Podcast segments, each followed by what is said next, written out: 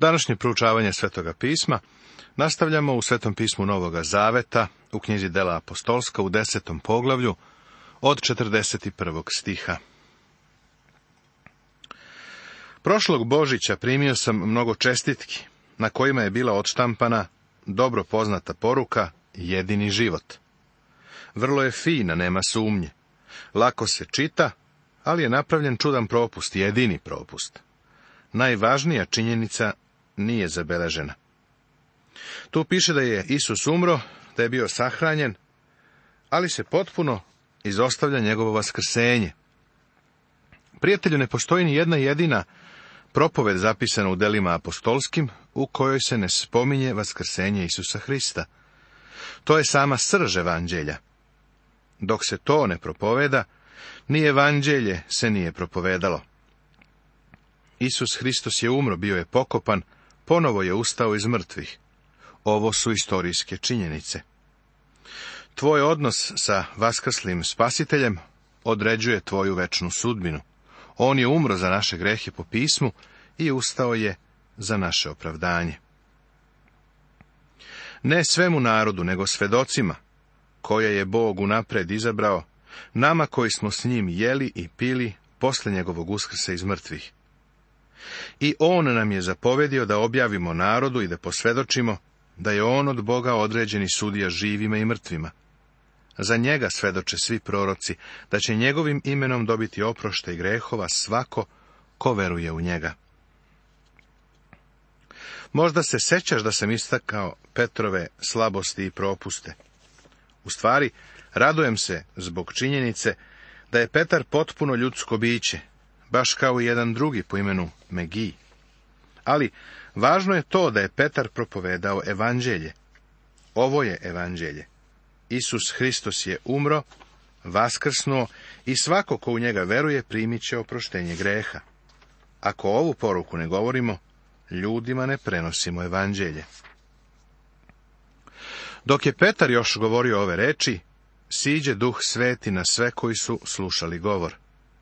I zadiviše se verni iz obrezanja koji su došli s Petrom, što se i na mnogobošce izlio dar svetoga duha, jer su ih slušali kako govore jezike i veličaju Boga. Tada odgovori Petar, može li ko da uskrati vodu, da se ne krste ovi koji su primili duha svetoga kao i mi? I zapovedi da ih krste u ime Isusa Hrista. Tada ga zamoliše da ostane još nekoliko dana. Ovaj događaj je nazvan neznabožački Pentekost. Petar je zaprepašćen što i pripadnici drugih naroda primaju svetoga duha. To izliće duha svetoga je bilo primetno, jer su govorili u jezicima.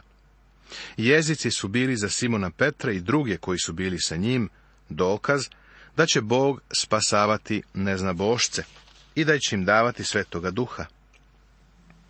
Petar ih kasnije poziva na ovo kao na dokaz da su ovi neznabošci uzverovali u gospoda Isusa Hrista i da im je Bog dao pokajanje za život, kako je zapisano u u 11. poglavlju. A u Delima u 15. poglavlju apostol Petar se ponovo poziva na ovaj događaj, objavljujući da se time dokazuje da je duh sveti dat neznabošcima i da se i oni spasavaju blagodaću gospoda Isusa Hrista, kao i jevreji. Nama je teško da shvatimo kakva je velika barijera postojala između jevreja i neznabožaca. Tadašnji jevreji prosto nisu verovali da će se i neznabošci spasavati. Uprkos činjenici da im je gospod rekao da će tako biti. Potom su neznabošci iz Kornilijevog doma bili kršteni u vodi. Dozvoli da ti ponovo skrenem pažnju na činjenicu da dela apostolska beleže obraćenje predstavnika tri grupe ljudi. Etiopski evnuh je bio Hamov sin. Savle iz Starsa je bio Simov sin. Kornilije je bio Jafetov sin. U sva tri slučaja Sveti Duh se kretao, koristio Božijeg čoveka i Božiju reč. Poglavlje 11. Tema Petar brani svoju službu evanđelje stiže u Antiohiju. Petar nabraja događaje u vezi sa obraćenjem neznabožaca u Kornilijevom domu. Vest da su neznabošci primili Božju reč, kao da nije donela nikakvu radost crkvi u Jerusalimu. Oni zahtevaju da Petar objasni svoje ponašanje, tako da on mora da brani svoju službu, što je za Simona Petra stvarno teško, jer se i on sam sa tim u vezi osjeća kao da se pravda. Antiohija postaje centar božačke crkve. Petar brani svoju službu.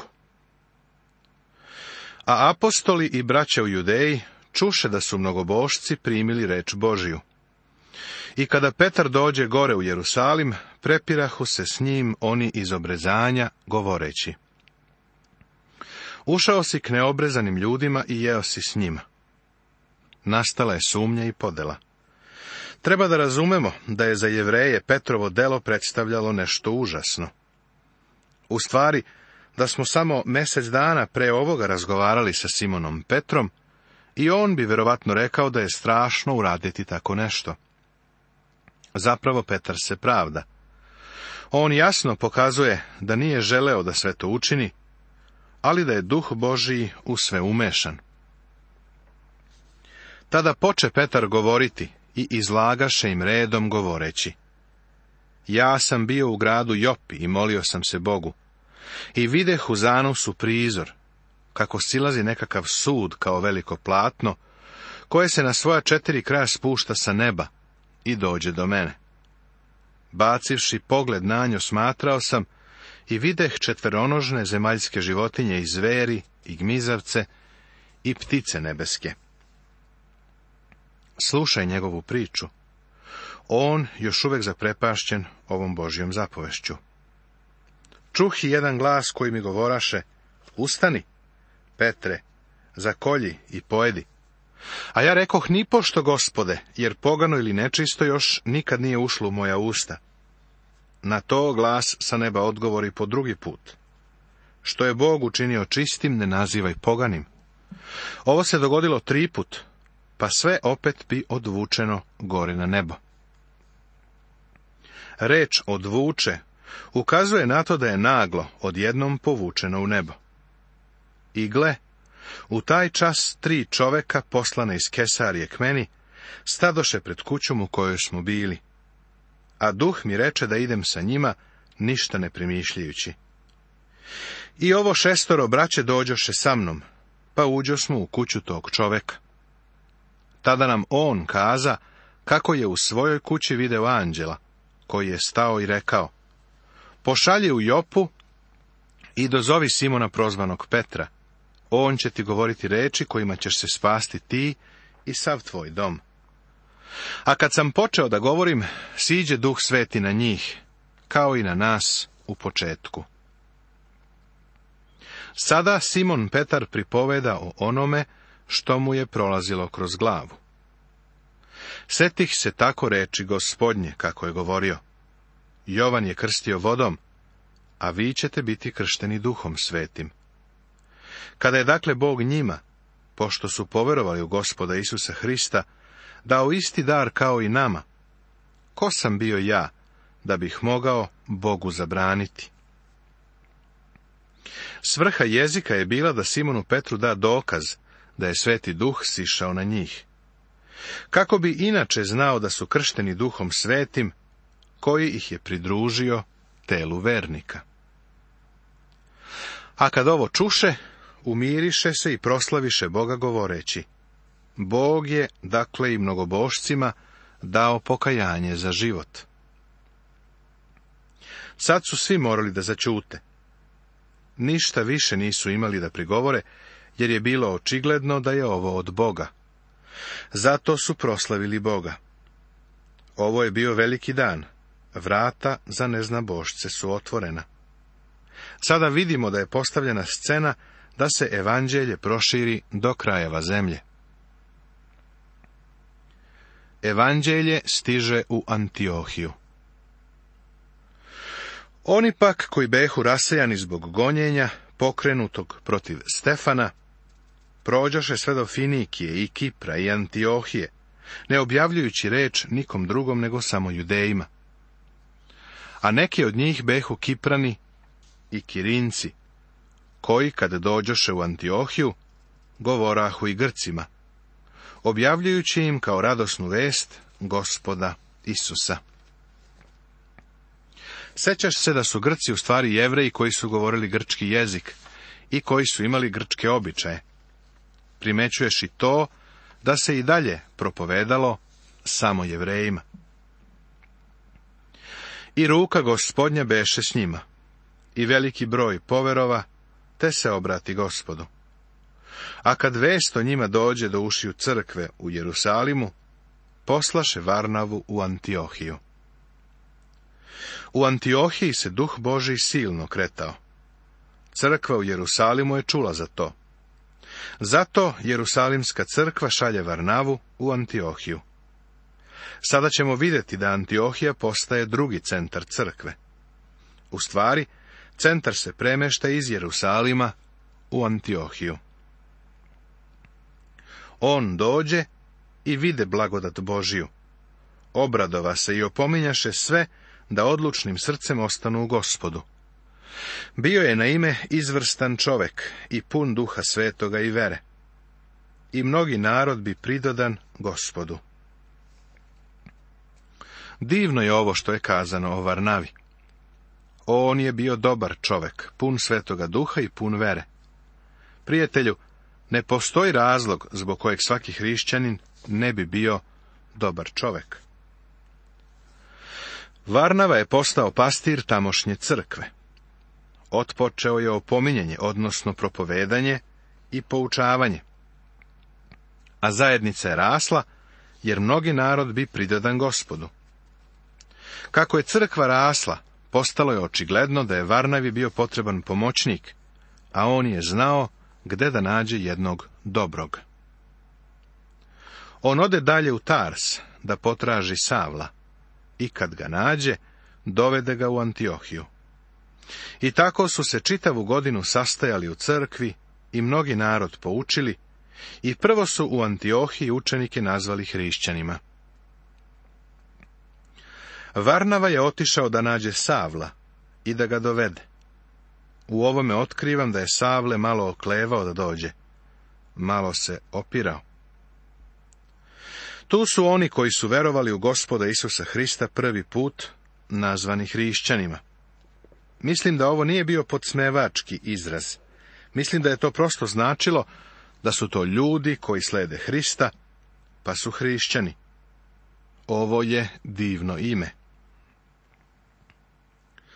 U te dane proroci iz Jerusalima siđuše u Antiohiju.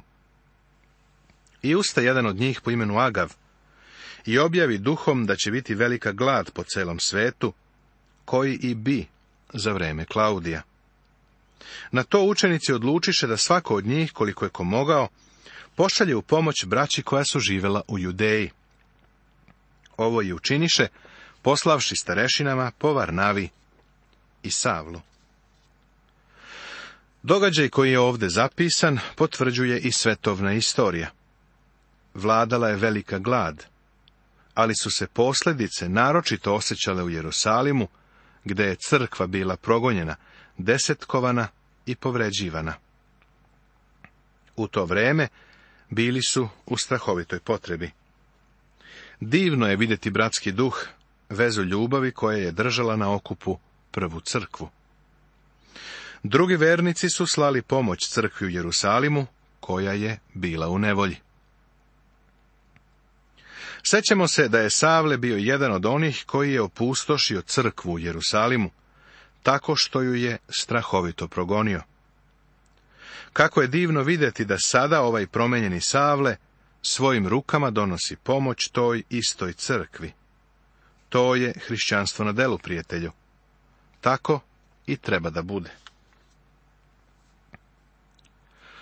Poglavlje 12. Tema Jakovljeva smrt Petrovo hapšenje U ovom poglavlju vidjet ćemo kako progonstvo udara kroz Iroda Agripu I. Jakov je pogubljen, a Petar utamničen, ali biva čudesno izbavljen. Irod umire zahvaljujući Božjoj osudi. Iako dolazi do progonstva, crkva raste, a Božja reč se umnožava. Jakovljeva smrt U ono vrijeme latio se kralj Irod da zlostavlja neke koji su pripadali crkvi. Kralj Irod je Iroda Gripa prvi unuk Iroda Velikog, koji je želeo da ubije gospoda Isusa kada je gospod rođen. Nikada ni jedna porodica nije pokazivala takvo neprijateljstvo i mržnju protiv Boga. Barem koliko znamo, nikada se ni jedan član Irodove familije nije obratio Bogu. Setit ćeš se da je do sada progonstvo crkve poticalo od strane verskih starešina, posebno Sadukeja. Sada se to pomera u oblast vlasti. Progonstvo prelazi sa religije na politiku. Možda je Irod ovo učinio da bi pridobio naklonost određenih uticajnih grupa. Znamo da je posegnuo za tim da uznemirava i zlostavlja crkvu. Reč zlostavlja je blagi izraz za ono što je on učinio. Sprovodio je brutalno, bezosećajno progonjenje crkve. I pogubi mačem Jakova, brata Jovanova. Tako se surovo iznosi ova činjenica. Mačem je pogubio Jakova. Jakov je postao drugi mučenik crkve. On je drugi mučenik koji se spominje po imenu. Mišljenja sam da je bilo mnogih drugih koji su već bili umrli za ime gospoda Isusa.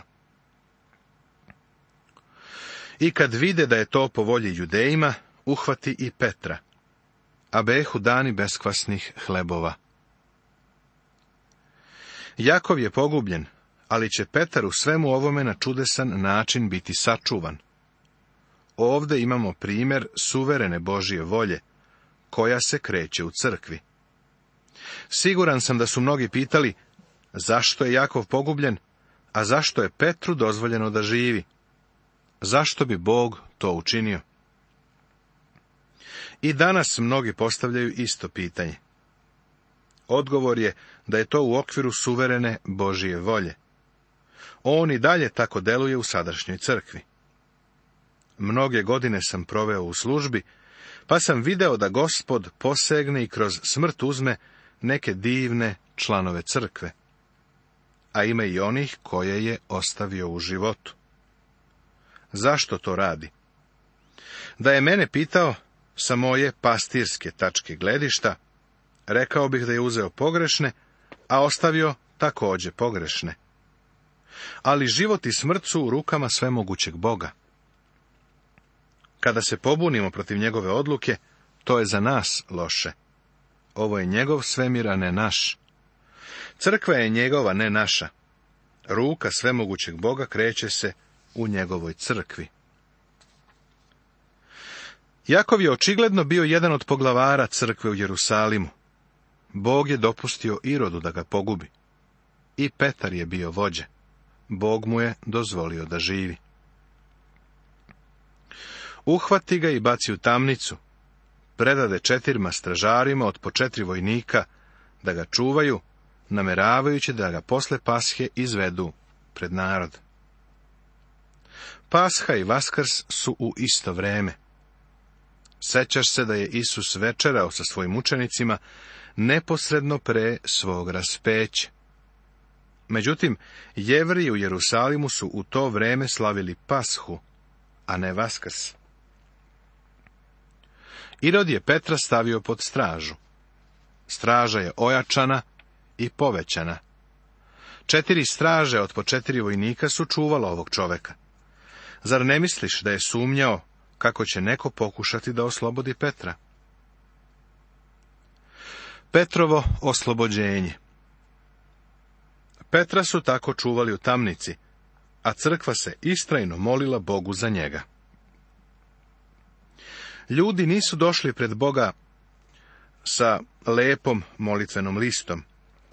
Oni su otišli pred Boga i istrajno i žarko se molili da Simon Petar bude oslobođen. Njihova srca su bila predana molitvi.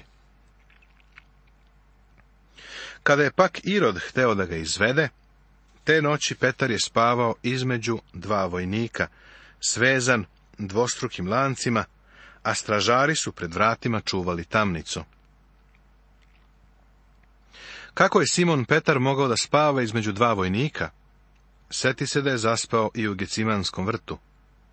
Rekao bih da Simon Petar nije patio od nesanice, nije imao nikakvih problema sa snom nastavit će se.